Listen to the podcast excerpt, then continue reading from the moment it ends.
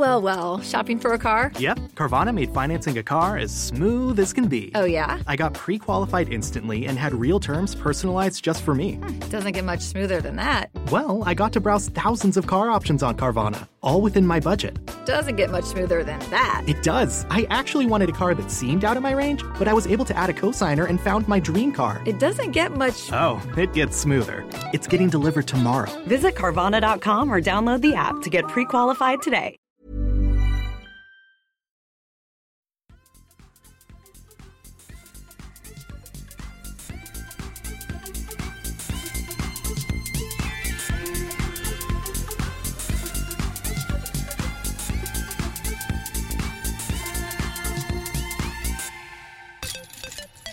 Två snubbar helt ur form vad gäller discgolf hälsar er hjärtligt välkomna till ett nytt avsnitt av Kedja ut, en podcast om discgolf. Jag heter Tommy Bäcke och jag gör det som vanligt med min kompis Niklas Nyman. Hur mår du? Jag mår eh, bra sett till eh, livet. Discgolfmässigt inte så bra, men eh, det är väl det här som testar ens karaktär så att säga. Mm. Eh, hade vi spelat in för, låt mig säga,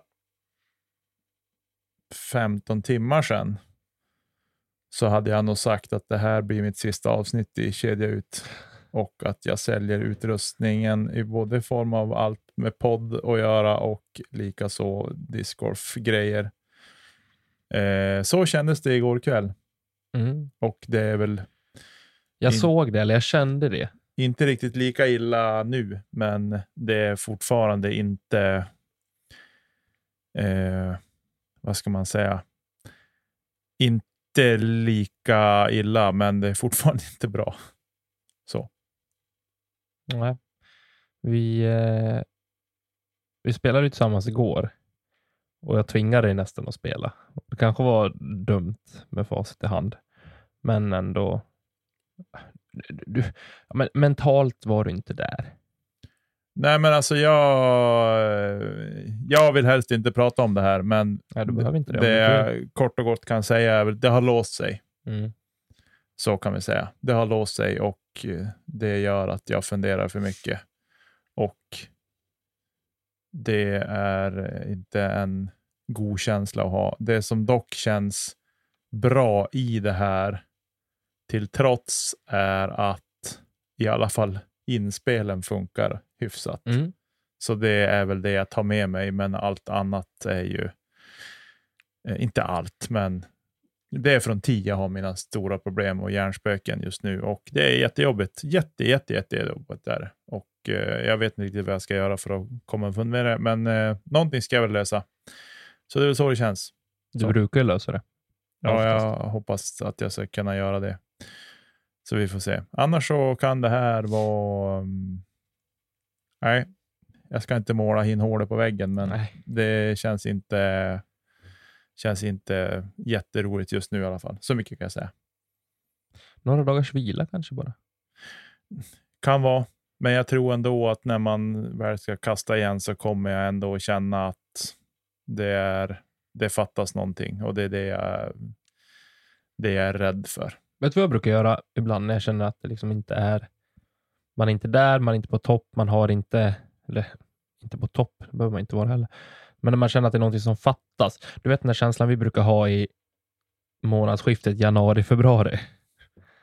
När Skånepågarna börjar komma ut på banan och kasta ordentligt. Och vi sitter och bara kollar ut genom fönstret och det är becksvart från lunch och vi har två och en halv meter snö som eh, trycker in fönstret på huset ungefär. Den känslan brukar jag försöka leta fram då. Och då brukar det bli lite bättre. Eller man brukar ta, ta sig an det man ska göra på ett annat sätt. Eller jag brukar göra det i alla fall. För att jag vet att säsongen är så pass kort. Mm. Sen kommer man alltid till oktober och man är så trött på discgolf så det finns inte. Mm. Men då är den där känslan i januari, februari där och gnager till slut i alla fall. Ja, nej, jag, jag, jag fattar vad du menar. nej, men jag, eh, jag tror att du har redan du har sagt det till mig och jag tror att det är att jag, jag funderar för mycket. Och jag är ju, om folk undrar om jag kan vara långsur, så ja, det kan jag vara. Och just nu är jag väl lite långsur på mig själv också. Eh, Så. Men jag börjar komma lite underfund med vad det är i alla fall jag ska försöka jobba med. Men det får bli, jag får ha en återkoppling kring det. Kanske främst till dig, kanske inte till våra lyssnare. Jag tror inte de är så intresserade av det. Så. Eh, men eh, nog om det. Vi, vi spelade ihop i alla fall. Ingen av oss gjorde väl någon kalasrunda. Min runda var bättre än jag trodde. Faktiskt. Jag, Ja, det var ingen katastrof. jag, jag räknade inte ens så, utan jag försökte bara spela. Jag var jättearg mitt i eh, och frustrerad och kände mig tom och uppgiven. Och sen försökte jag som bara släppa det och bara ta kast för kast. Och blir det dåligt så blir det dåligt. Jaga inte upp dig. Liksom bara försök spela klart rundan. Eh, och sen vart det så illa så att jag började skratta åt eländet. Liksom så. Och tänkte jag, ja, ja, ja, men det, det är vad det är. Liksom. Men, och så fick jag väl avsluta i alla fall med en birdie, så det var någonting positivt i det hela. Men, men eh, ja, nej, det har, det har inte varit jätteroligt sista egentligen två veckorna discoursemässigt. Mm. Så ska jag väl säga. Det, det jag tänkte säga, jag känner mig igen, jag känner, jag känner igen mig själv i mycket av det du pratar om, just det här med att man tar det på så pass stort allvar, man vill så mycket hela tiden. Att man glömmer bort att ta med sig de här ja, men highlightsen och det man faktiskt gör bra. För nu har du bara nämnt det som du kände var tungt, samtidigt som du ändå dräpte en hel del fina puttar. Jag, Ja, jag kan komma på tre bara så här, som var riktigt, riktigt bra. ja. Från åtta meter utåt. Det som är, det som är jobbigt, det, är, alltså det som är mitt största, min, mitt största ok, och det här är 100% mentalt. Jag tror jättemånga kan känna igen sig i det här också, för jag har svårt att se att bland så många discgolfare att jag är unik i det här tankesättet. Nej, jag tror det är därför bra att, du, att vi lyfter de där bitarna också. Men att eh, nu, vi har ju spelat vi spelar ju med öppna på ängarna, vilket vi gjorde igår, ska vi säga. Vi spelar på Mariehemsängarna. Eh, och det som är, det är väl egentligen så här, rent krasst så kanske det är en, två, tre, säg att det är fyra hål som liksom är utanför, fem hål kanske, som är utanför, alltså borta birdie för mig. Mm. Helt och hållet. Alltså det måste hända något exceptionellt för att jag ska ta birdie på de hålen. Jag håll fyra ett av dem. Hål 4 1. Där var fyra. du ändå nära igår. Du hade en cirkel två putt som du var och nosa på rimmen. Nej, det var där jag kastade forehand-inspel och Ah, okej, just det. känkade bort den. Men eh, hål 4, 5, 6. De är ju liksom borta birdiemässigt. Alltså det måste ju hända någonting exceptionellt från 10 på sexan till exempel och femman. De är för långa. Jag har gjort birdie på femman, men det är liksom så här. Mm. Jag räknar bort dem. 4, 5, 6 räknar jag bort. 13 räknar jag bort. Eh, och 12 också. Fast att det är utför. Så jag har räknat bort den liksom helt, helt och hållet ur. Den är inte ens nära för mig. Håll 12 är ett speciellt hål. Jag har inte, jag har inte gjort en birdie där på två år. Det är ett jättespe- Och jag tror att man tror att man kastar mycket mer utför än vad man gör. Ja. Jag tror inte att det är så stor höjdskillnad som man tror att det är. För att just efter 10 så faller det iväg utför, men det går ganska mycket uppför sen mot korg igen. Jo, men sen har du, och det blir den svackan som vinden har mycket att säga till om också när det blåser. Ja, men skit i samma. Men det är liksom så här, jag landar i att jag några hål jag räknar bort. Eh, och när jag då heller inte ger, alltså, vilket gör att mitt, min chans till birdies minskar med fem hål gentemot de som har bättre kräm i armen, till exempel. Det är framförallt det det handlar om, att jag har för dålig skjuts i armen. Eh, och när jag då inte lyckas, alltså ta liksom, om vi ska ta till exempel som hål, eh, men hål, f- eh, vänta, ska vi ta, ska vi ta men typ hål 14 igår till exempel. Mm. Nu fastnade jag förvisso i ett litet lövträd på vägen fram från 10. Inte för att jag tror att det gjort jättestor skillnad. Men där blir det direkt så här, ja men det är birdien borta. Fast att hål 14 är ju definitivt ett hål som ligger i min birdie Mm. range. Så. Eh, och då en sån grej gör att då blir jag besviken. Mm. Och jag tror att den besvikelsen blir större för mig, eller jag gör den större än vad den faktiskt behöver vara. För att Mm. paret lever ju. Jag tog par, ett ganska enkelt par, spelade bra resten. Eh, men jag blir frustrerad. Och det är klart, vi började på hål, hål 16, så det var liksom näst sista hålet igår. Eh, det var vårat hål 17 på våran runda.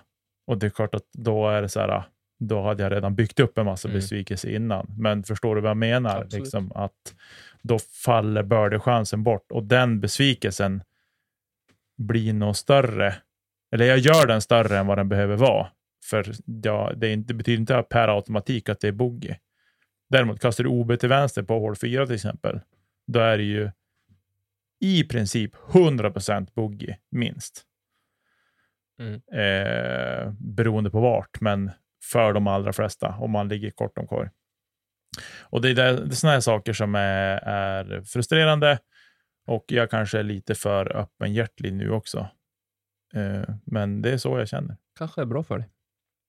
Kanske, men folk kanske tycker att jag är töntig också och självömkan och, och så. Och det är det verkligen inte. Jag fattar ju att jag, jag, behöver, jag behöver inga sympatier så. Jag försöker bara förklara vad som pågår. Jag tror att som du är inne på från början, du är långt från ensam om det och liksom känner att det kör fast ibland. Och då, jag tror att det är bra att du lyfter det. För jag tror att man... Eh, för det, är liksom hål som är... Det är liksom, hål 11 är också säkert. Det, hål 11 är inget jättelätt hål, men det är tillräckligt kort för att all, de allra flesta ska göra birdie på det. Mm. Och därmed blir man också besviken, men man glömmer bort liksom vägen fram. Det är ju tekniskt hål, jättetekniskt. Eh, så hål 10 likadant. Även om jag har spelat väldigt bra på hål 10 på slutet så har jag liksom så blir jag frustrerad när jag inte tar börden där. Mm. Men jag fattar också att ett par är jag tar kast på spelare, jag förlorar kast på spelare, men jag liksom inte, det är ingen katastrof Mm. med ett par där. Så. Men ja, vi ska inte sitta och prata för mycket om hål. Det är svårt för, för spelare och lyssnare som inte har spelat banan att hänga med. Men eh, när man tappar chansen till birdies, för alla vet hur fort det går att en bogey kan snabbt bli en dubbel bogey. Mm.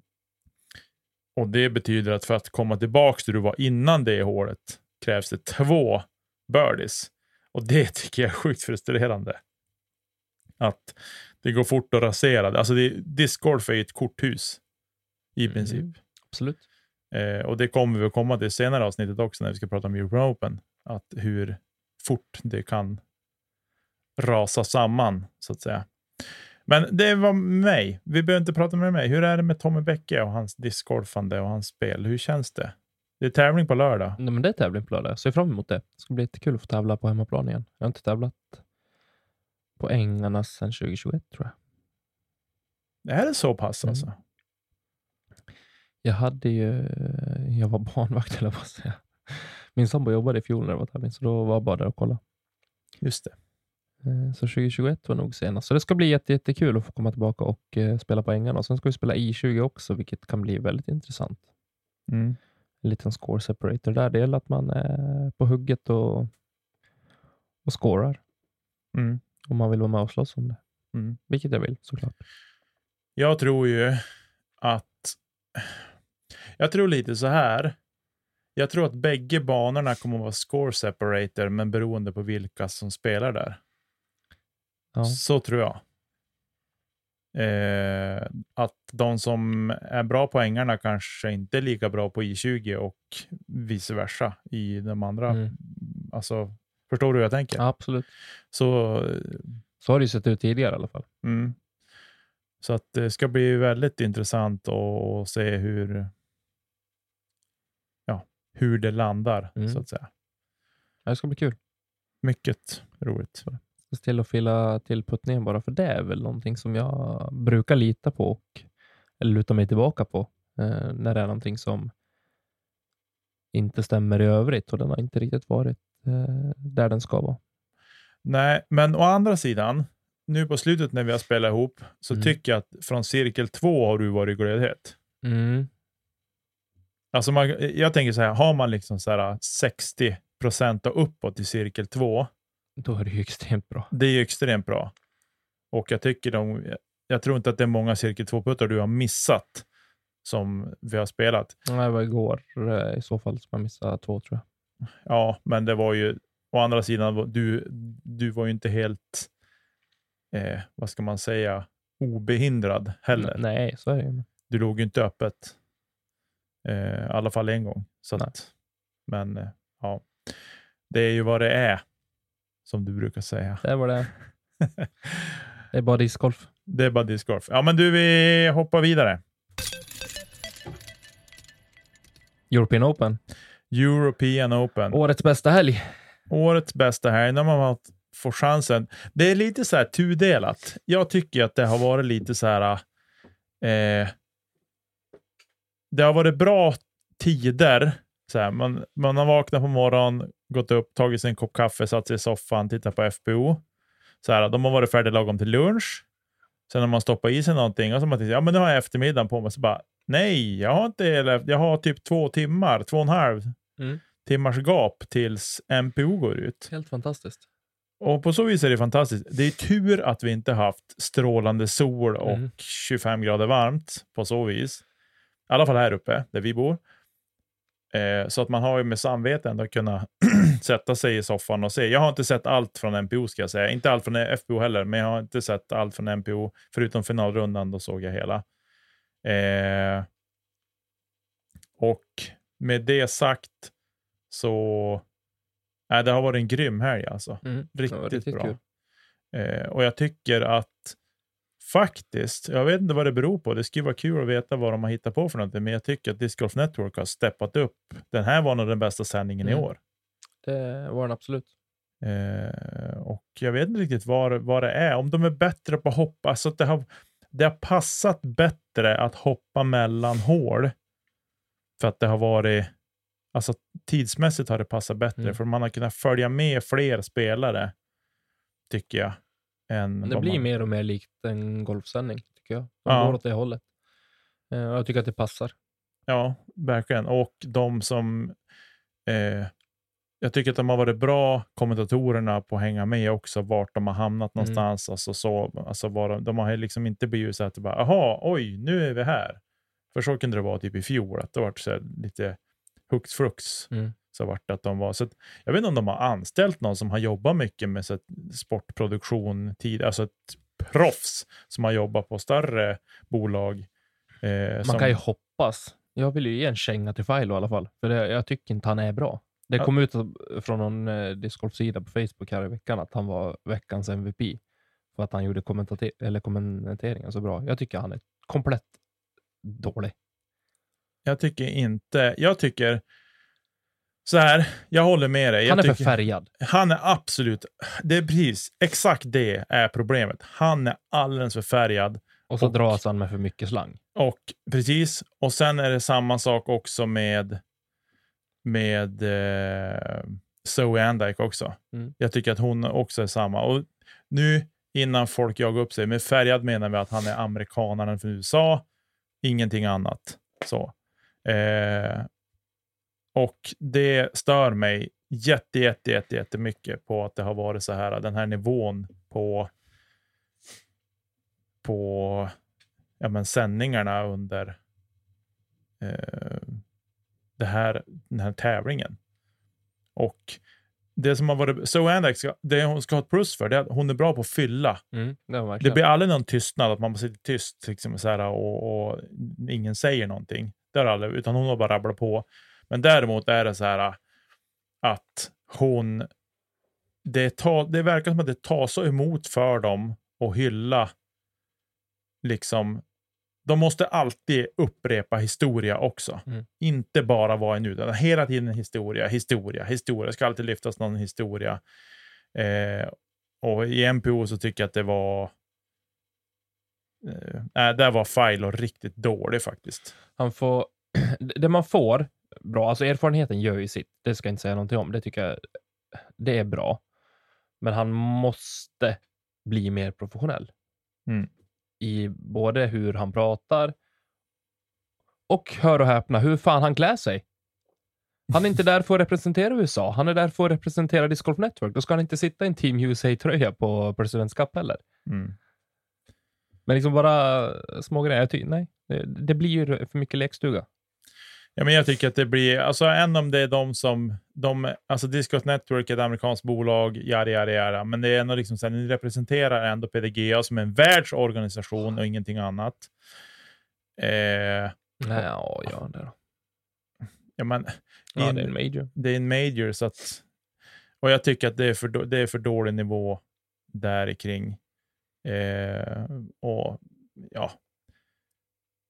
Men med det sagt mm, så tycker jag någonstans ändå. Sändningarna är bra.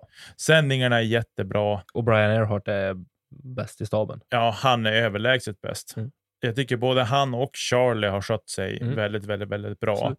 Jag tycker att det är bisittarna som har dragit ner lite grann. Eh, ett exempel också gällande Zoe Andike. Eh, hon gör jättemycket bra för discgolfen. Men just när det kommer till kommenteringen, de började prata om eh, det här med rating och att eh, nu Kristin Tatar var så nära att fortsätter hon att spela på den nivån hon gör, då kommer hon att passera typ vid eh, septembers ratinguppdatering kommer hon Mm. att kliva över 1000 eh, och så vidare. Och säga, ja, det är väl fantastiskt att hon blir första kvinna att kliva upp på över 1000 i rating.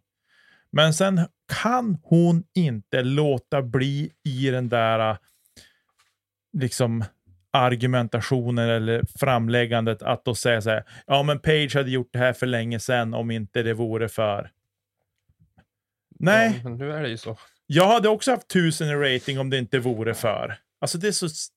Jag blir så otroligt provocerad över det där att ja, men om inte Page hade åkt på den skadan eller om hon inte hade haft så otur på den tävlingen och jada, jada, jada. Hade hon tränat rätt och lagt ner tid och energi så hade hon varit över tusen. Alltså det är så här, ja, men det som retar mig och jag må väl då vara lika mycket patriot för Europa som de är för USA i sådana fall. Men det som retar mig i det här är ju någonstans att bara, ja, men om inte om fanns.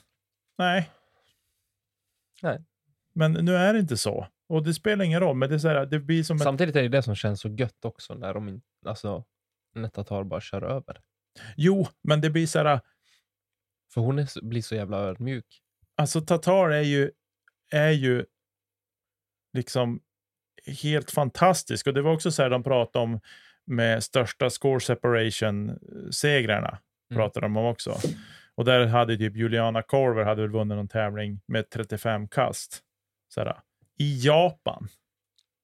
Jaha, vad är det för motstånd i Japan? No offense till Japan. De har säkert duktiga discgolfare där också. Men alltså, för. Förstår du? Ja. Det är liksom så här. Det blir lite så här tramsigt. Och så tittar man på den där. Jag tror att den nyaste, den nyaste eller senaste tävlingen som det var stor score separator på. Jag undrar om det var 2015 det var på den här skylten. Det var typ sex tävlingar de har tagit upp. Champions Cup var väl senast också när Tatar vann med typ 14 kast. Ja, den, var, ja den, den hade de missat och de hade ju inte med heller nu när hon ledde så stort här heller. Eh, men det blir så här, det är för övrigt en rätt ointressant diskussion, men liksom så här, ja men hylla Juliana Korva. Ja, det är klart att det är stort att vinna med 35 kast, men det är lite grann som man också pratar om i andra idrotter, ja, men i hockeyn eller fotboll. Pelé, han var helt superdominant. Bara, jo, men fotbollen var något helt annat då än vad den är idag. Hockeyn, när Wayne Gretzky var som bäst, den var något helt annat då än vad den är idag.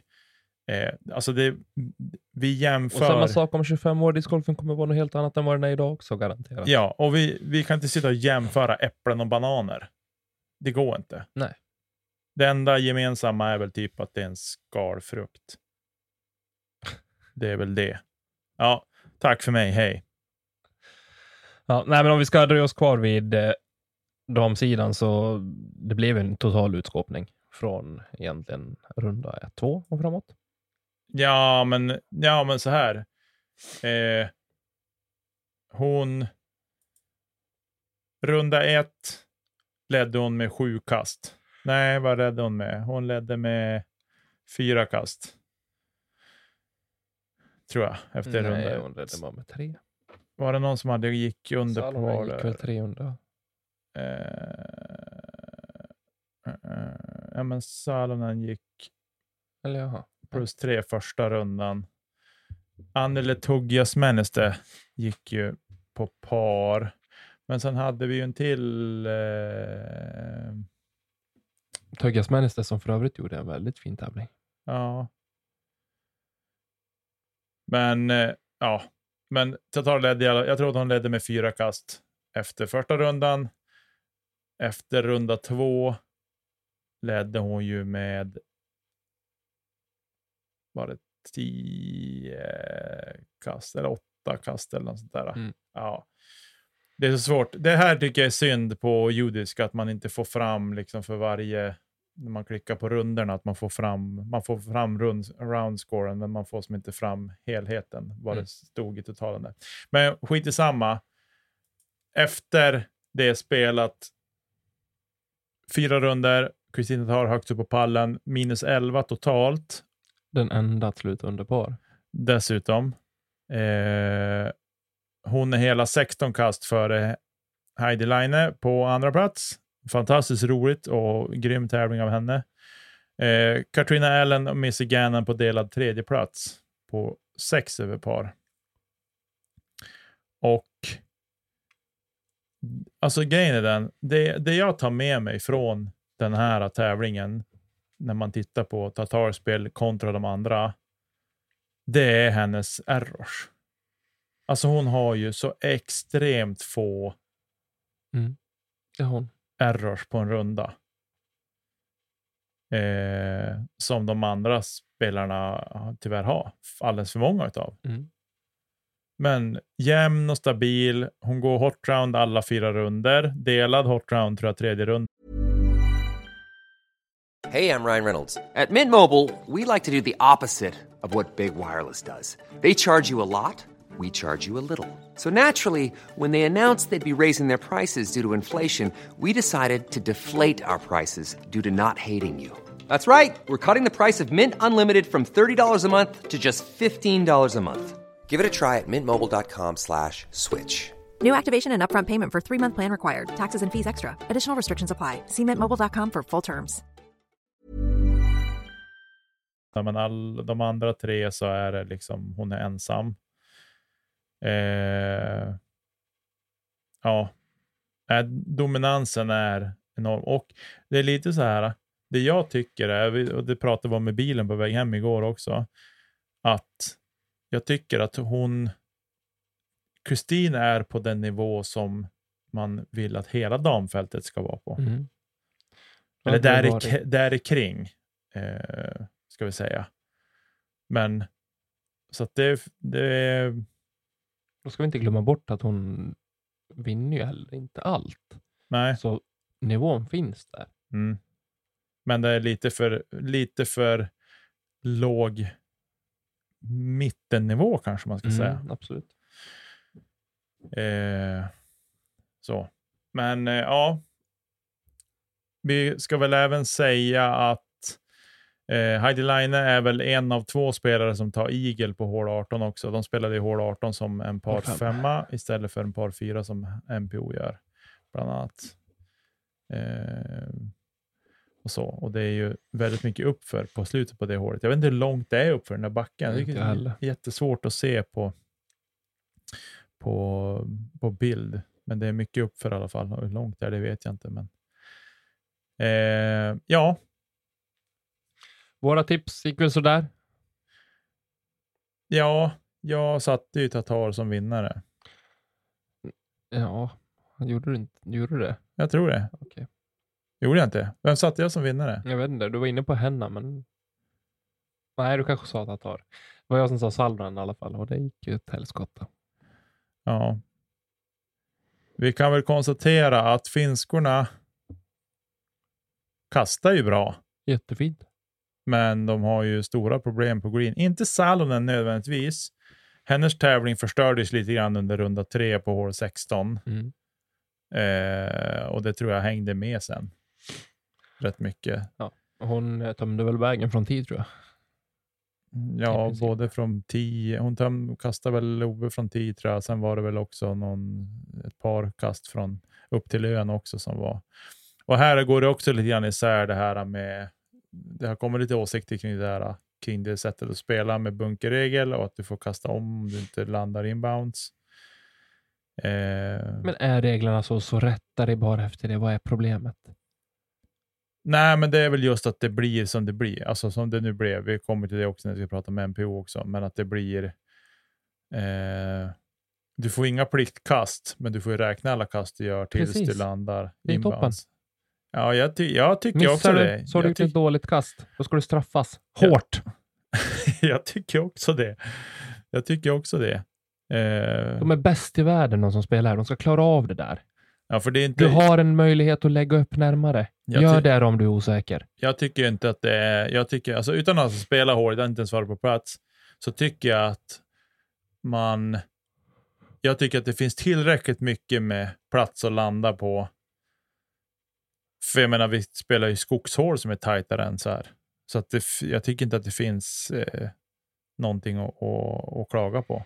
Nej. Så. Och uppenbarligen är det vissa som klarar av det väldigt, väldigt bra. Och Ja, ja. inser sina begränsningar och kanske tar det säkra före det osäkra. Och så lägger man upp.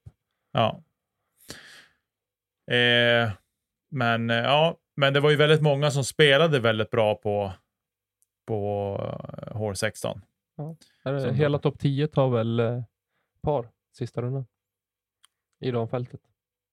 I princip.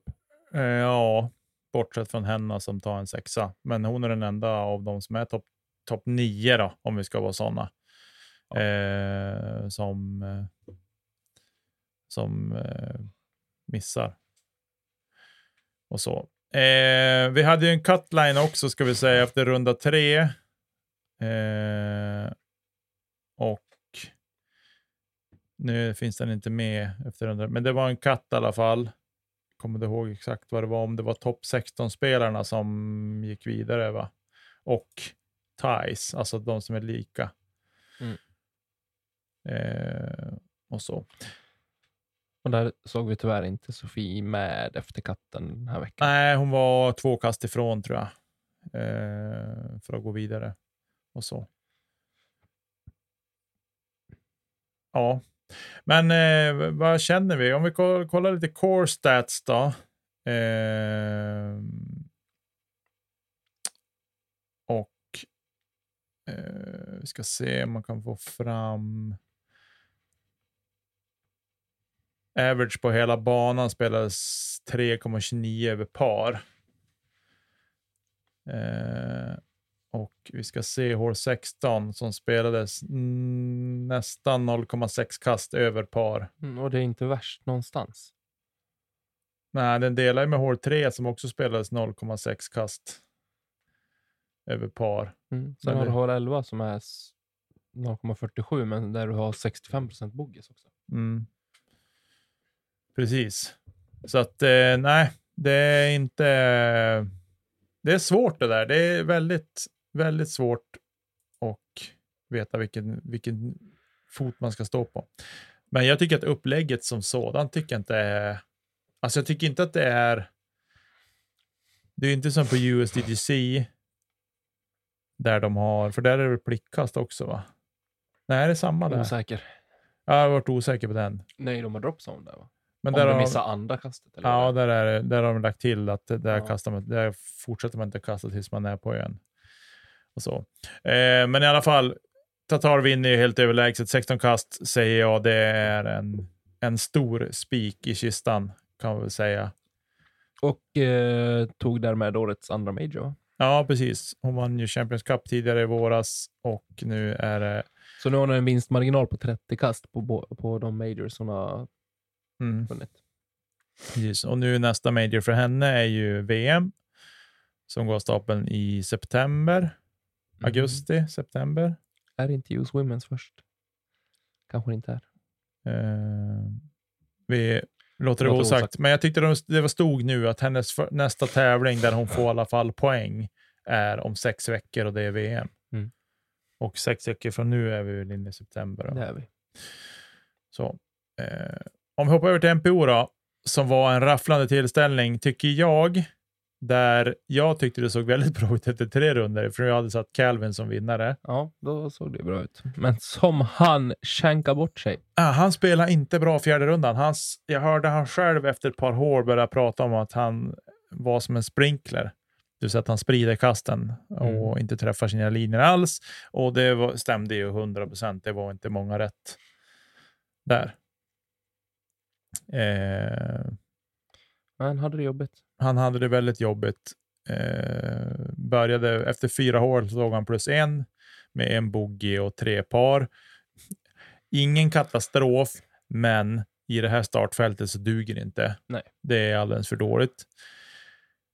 Eh, och eh, ja, det var Det var ju tight och det var fyra, fem spelare som liksom har bud på vinst.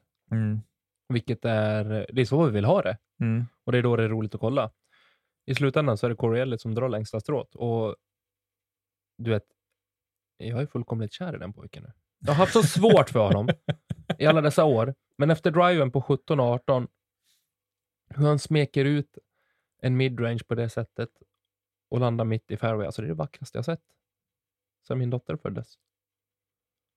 Ja, han... Eh, alltså, både jag och Tommy har haft jättestora problem med Corellis.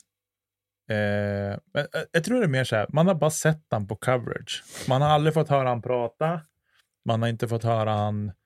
Alltså, jag har inte lyssnat på några poddar där han har varit med och inte... eh, Alltså så.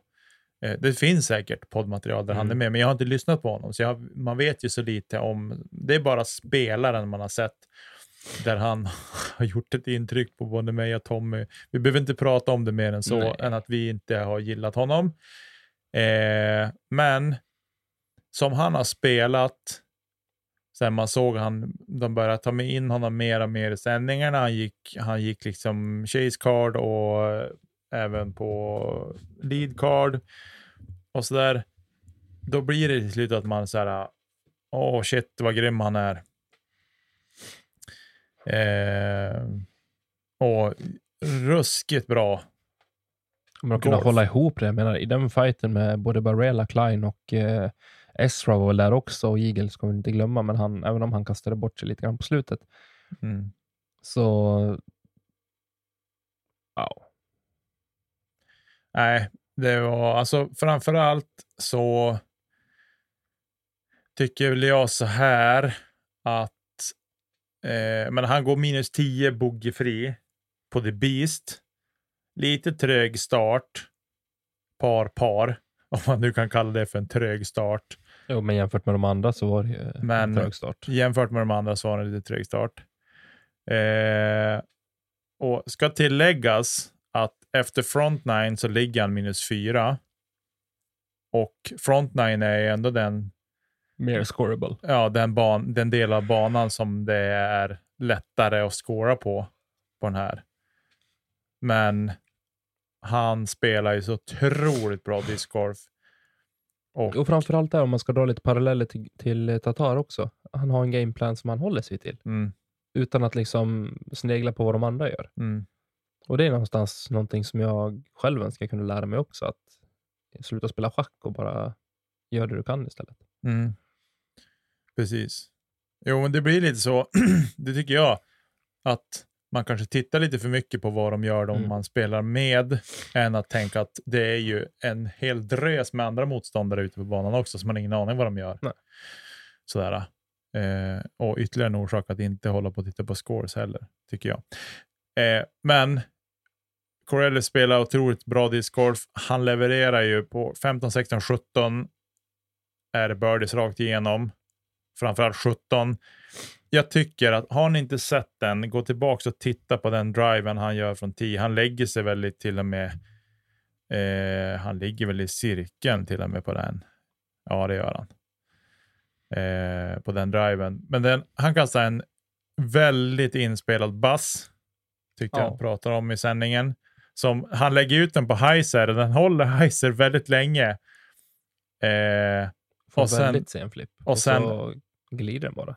Ja, men alltså hålet är 140 meter och det känns som att den flippar upp typ vid 110. Ja. Så ställer den sig upp och så sen går han bara ner för landning och fejdar ytterst lite. I princip ingen skip. Äh, det är ett fruktansvärt fint kast. Eh, det står här på judisk att hans throw-in distance till korg är fem meter. Kan vara något sånt. Eh, men nej. Det är nog ett av de finaste kasten Mm. som jag har sett på den här tävlingen faktiskt. Absolut. Här, kontrollerat kast med midrange, det är ju fina grejer. Det är det. Eh, Carl Klein slutar tvåa och eh, S. Håller på en tredje plats som eh, jag kanske höll som favorit där ett tag. Jag hade hoppats att han skulle ta hem det. ja, det såg ju så otroligt bra ut fram till hål 10. Då även ska sägas, Brody Smith skrev på Twitter, vad håller Ezra på med? Hål 11, dubbelbogey. Mm. och då skrev Brody direkt efter, jag ska inte tweeta något mer om Ezra. och så. Men han, efter det så tog han par och sen tog han fem birdies till på de sista sex hålen. Nej, fyra birdies till på de sista sex hålen. Eh, han var där, men otroligt besviken efter hål 11, vilket är ju ett, ett eh, svårt hål. Väldigt svårt hål. Ja. Det är det med vattendammen just innan korgen. Till, lite till höger om korgen ska vi säga. Det är mycket OB där. Eh, han gick OB tidigt och sen hade han ett långt inspel som gick lite långt. Jag tror han låg i cirkel två till och med, eller i kanten på cirkeln, missade putten och så vart det en dubbelbogey där. Och den är jag superbesviken på. Eh, Esra har ju definitivt distans att nå det där hålet, både med forehand och backhand. Så att han var otroligt besviken. Eh, men eh, nej, ruskigt bra tävling. Får ändå säga, Ricky var lite med där ett tag. Han gick minus 11 på finalrundan. Mm. Hade en bogey på 11 tyvärr. Eh, och sen den som vi hade, som man trodde skulle ta hem det här, eh, som såg väldigt bra ut där ett tag, det var Anthony Barella. Ja, med hjälp av en eh, caddy. En caddy som dök upp där vid typ hål, jag vet inte vad det var, 5, 6, 4, 5, 6 någonstans. Dök Paul Macbeth upp som DNFade efter typ 10 hål, tror jag, 10 eller 11 hål. Tror att han finns med. Längst ner. Borde han finnas med längst ner. Han spelade eh, till och med 14 hål spelade han innan han klev av. Eh, han drog på sig någon axelskada. Han hade dragit på sig en kvällen innan ska sägas. Eh, han hade varit ute och tränat på ett visst kast tydligen och därmed skadat sig och försökte väl spela, men han hade ingen jättebra runda på gång heller.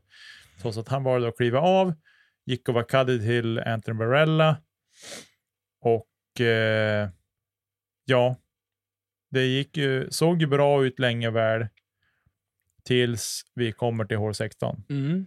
Och här gick det ut för. Där gick det ut för ordentligt. Eh, han... Eh, ja, det, det här är nästa grej med, med, eh, med judisk, att eftersom att det är ingen OB på hål 16. Det är bunker. bunker Bunkerregel, så du kastar om från 10, så du får ingen OB på det hålet. Eh, men det vi ska säga är att han kastade, han gick ju i på Sjunde kastet. Så sex, sjätte kastet från driven. eh, Han missar fem. han missade fem kast, så det var tre kast som var inbound som tog honom i håret. Så fem kast. Och jag tror att det var ett kast från tio, eller om det Ja. var bara att han låg nära eh, OB-linjen. Han låg nära OB-linjen. Och sen missade skitigt. han fem kast upp på, på ön innan han träffade. Och, eh, och han gick inte kort heller, han gick lång på alla tror jag. Ja. Eh, innan han till slut landade på ön och kunde lägga i den två meter från korg. Och det är ju ett brutalt sätt när du ligger, liksom, jag tror han var delad ledning där. Mm. Eh, och alltihopa. Och det är det här, det är här, nu kommer det jag menar, att discgolf är, ett scorekort på, i discgolf är lite som ett korthus. Fort kan du rasera det du har byggt upp. Eh, han slutade på en sjunde plats till slut, eh, men han tog en åtta på en par fyra och sen tog han en bogey på hål 17 där han kastade OB. Eh,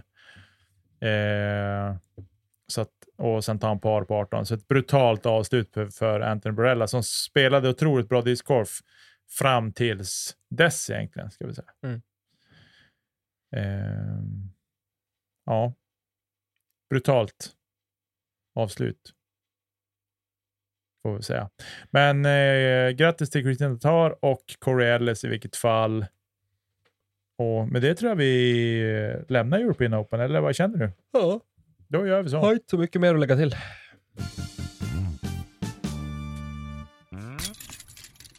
Ja, luften håller på att ta slut här inne, men vi ska väl eh, försöka ge oss på det som ska ske i helgen också i alla fall. Vi har ju två större tävlingar här i Europa. Det pratas om eh, European Pro Tour i num- tävling nummer sju eh, som går av stapeln på Järva. Och eh, vi har en del stora namn där också. Isaac Robinson, Ezra Robinson, Kevin Jones bland annat. Mm. Eh, högst ratade svensk som är med i det startfältet är Henrik Hagman. Mm. Eh, och sen har vi lokala förmågor i Linus Eriksson och eh, Peder Bober också. Ja, precis. Ehm, så, så det är kul. Det är ju krockar ju tyvärr den här helgen med Åland Open, ska vi sägas. Innan Som vi... kanske har övertaget den här helgen va? Ja, det känns lite grann som att de har övertagit den här helgen. Men i alla fall kul att det tävlas på Järva i alla fall, att det är någon större tävling där ändå. Och på damsidan i, på Järva så ser vi återigen Lina Rydberg på tävlingsscenen, vilket ska bli kul att följa. Sofie Björlycke är där också. Vad har vi mer för svenskar? Lina Nyberg, eh, Sonja Valdén. Vi har Therese Molin på plats. Eh, Jun, det var en finska. Eh, Ja, det var det. det var det. Matilda Ringbom. Med, ja. Men kul i vilket fall. Med eh, ett damfält. 18 startande, tycker jag. Mm, är det största på länge va, på EPT. Ja, så det är roligt. Eh, vi har inte så mycket att säga. Vi, alltså Euro, Euro Pro Tour har ju hamnat lite grann... European Pro Tour. European Pro Tour, förlåt. Ja, ja, hamnar lite grann i ett... Men de, de kör ju också egen stream till exempel. Det är inte Disc Golf Network Nej, som sköter det, det är precis. Disc Golf Stream. Eh, så de kör ju helt eget off. Så det blev, ju- de gick ut väldigt hårt i fjol Mm, med att det krävdes en ordentlig proffstour i Europa. Man drog igång det här. Sen har väl eh, Eurotour egentligen ja, men, tagit över taktpinnen i år mm, i och med att de har lagt så pass många tävlingar och dels fått en Elite Series även i, eh, i Europa också. mm, och att de har liksom collabat ihop med Disc Golf Network gör ju också väldigt Ja. mycket, tänker jag. Och då har man dragit de största namnen och därav ligger väl det största fokuset där också. Precis.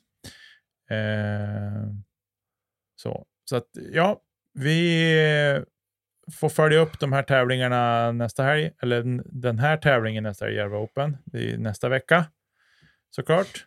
Och vi får se, det kommer ju att komma ut säkert en hel del coverage på det här också, så det kommer finnas mycket discgolf, som om det vore ett problem just nu, men, men eh, det kommer att komma ut mer även för andra.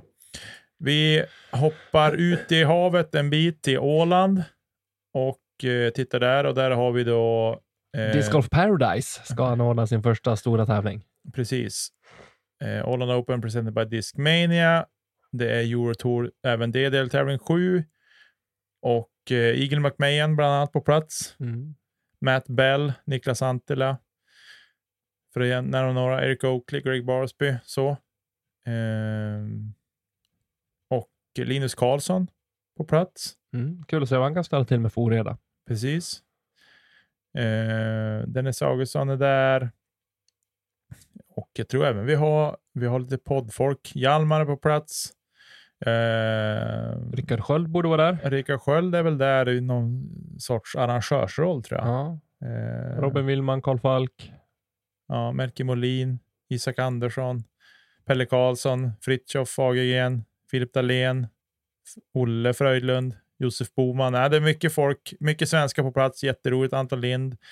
Eh, så superkul att det är mycket eh, svenskar som är där och spelar, vilket man kan förstå. Det är enkelt att ta sig dit och så. Jag hoppas alla kan lösa det med boende. Man eh, spelar i torsdag, fredag, lördag här. Ah, de slutar en dag tidigare Ja. än Järva. Just det. För tydligen så luktade det någon form av fuktig kväll på lördagen.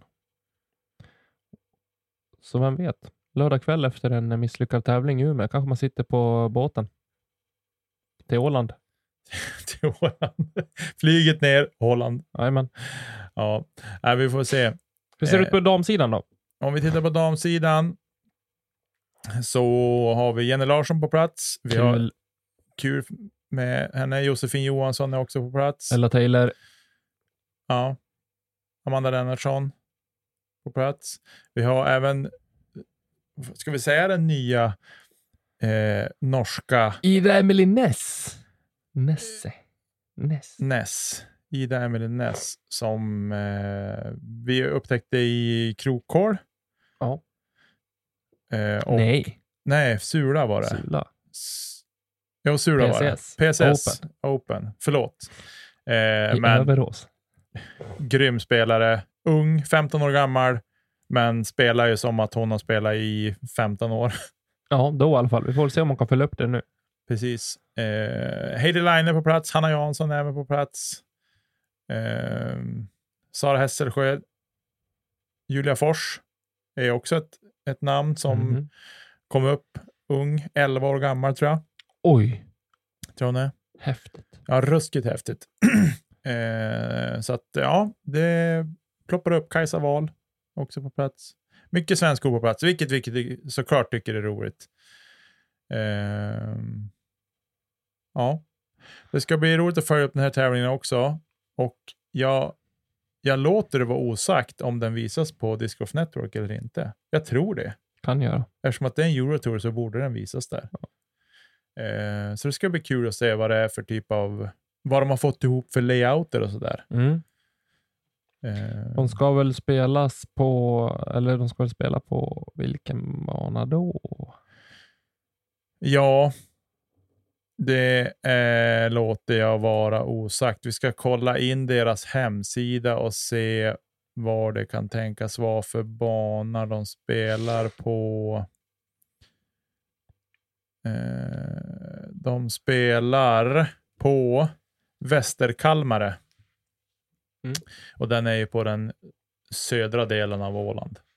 Och där amatörklasserna spelar då på den norra banan, Soltuna eh,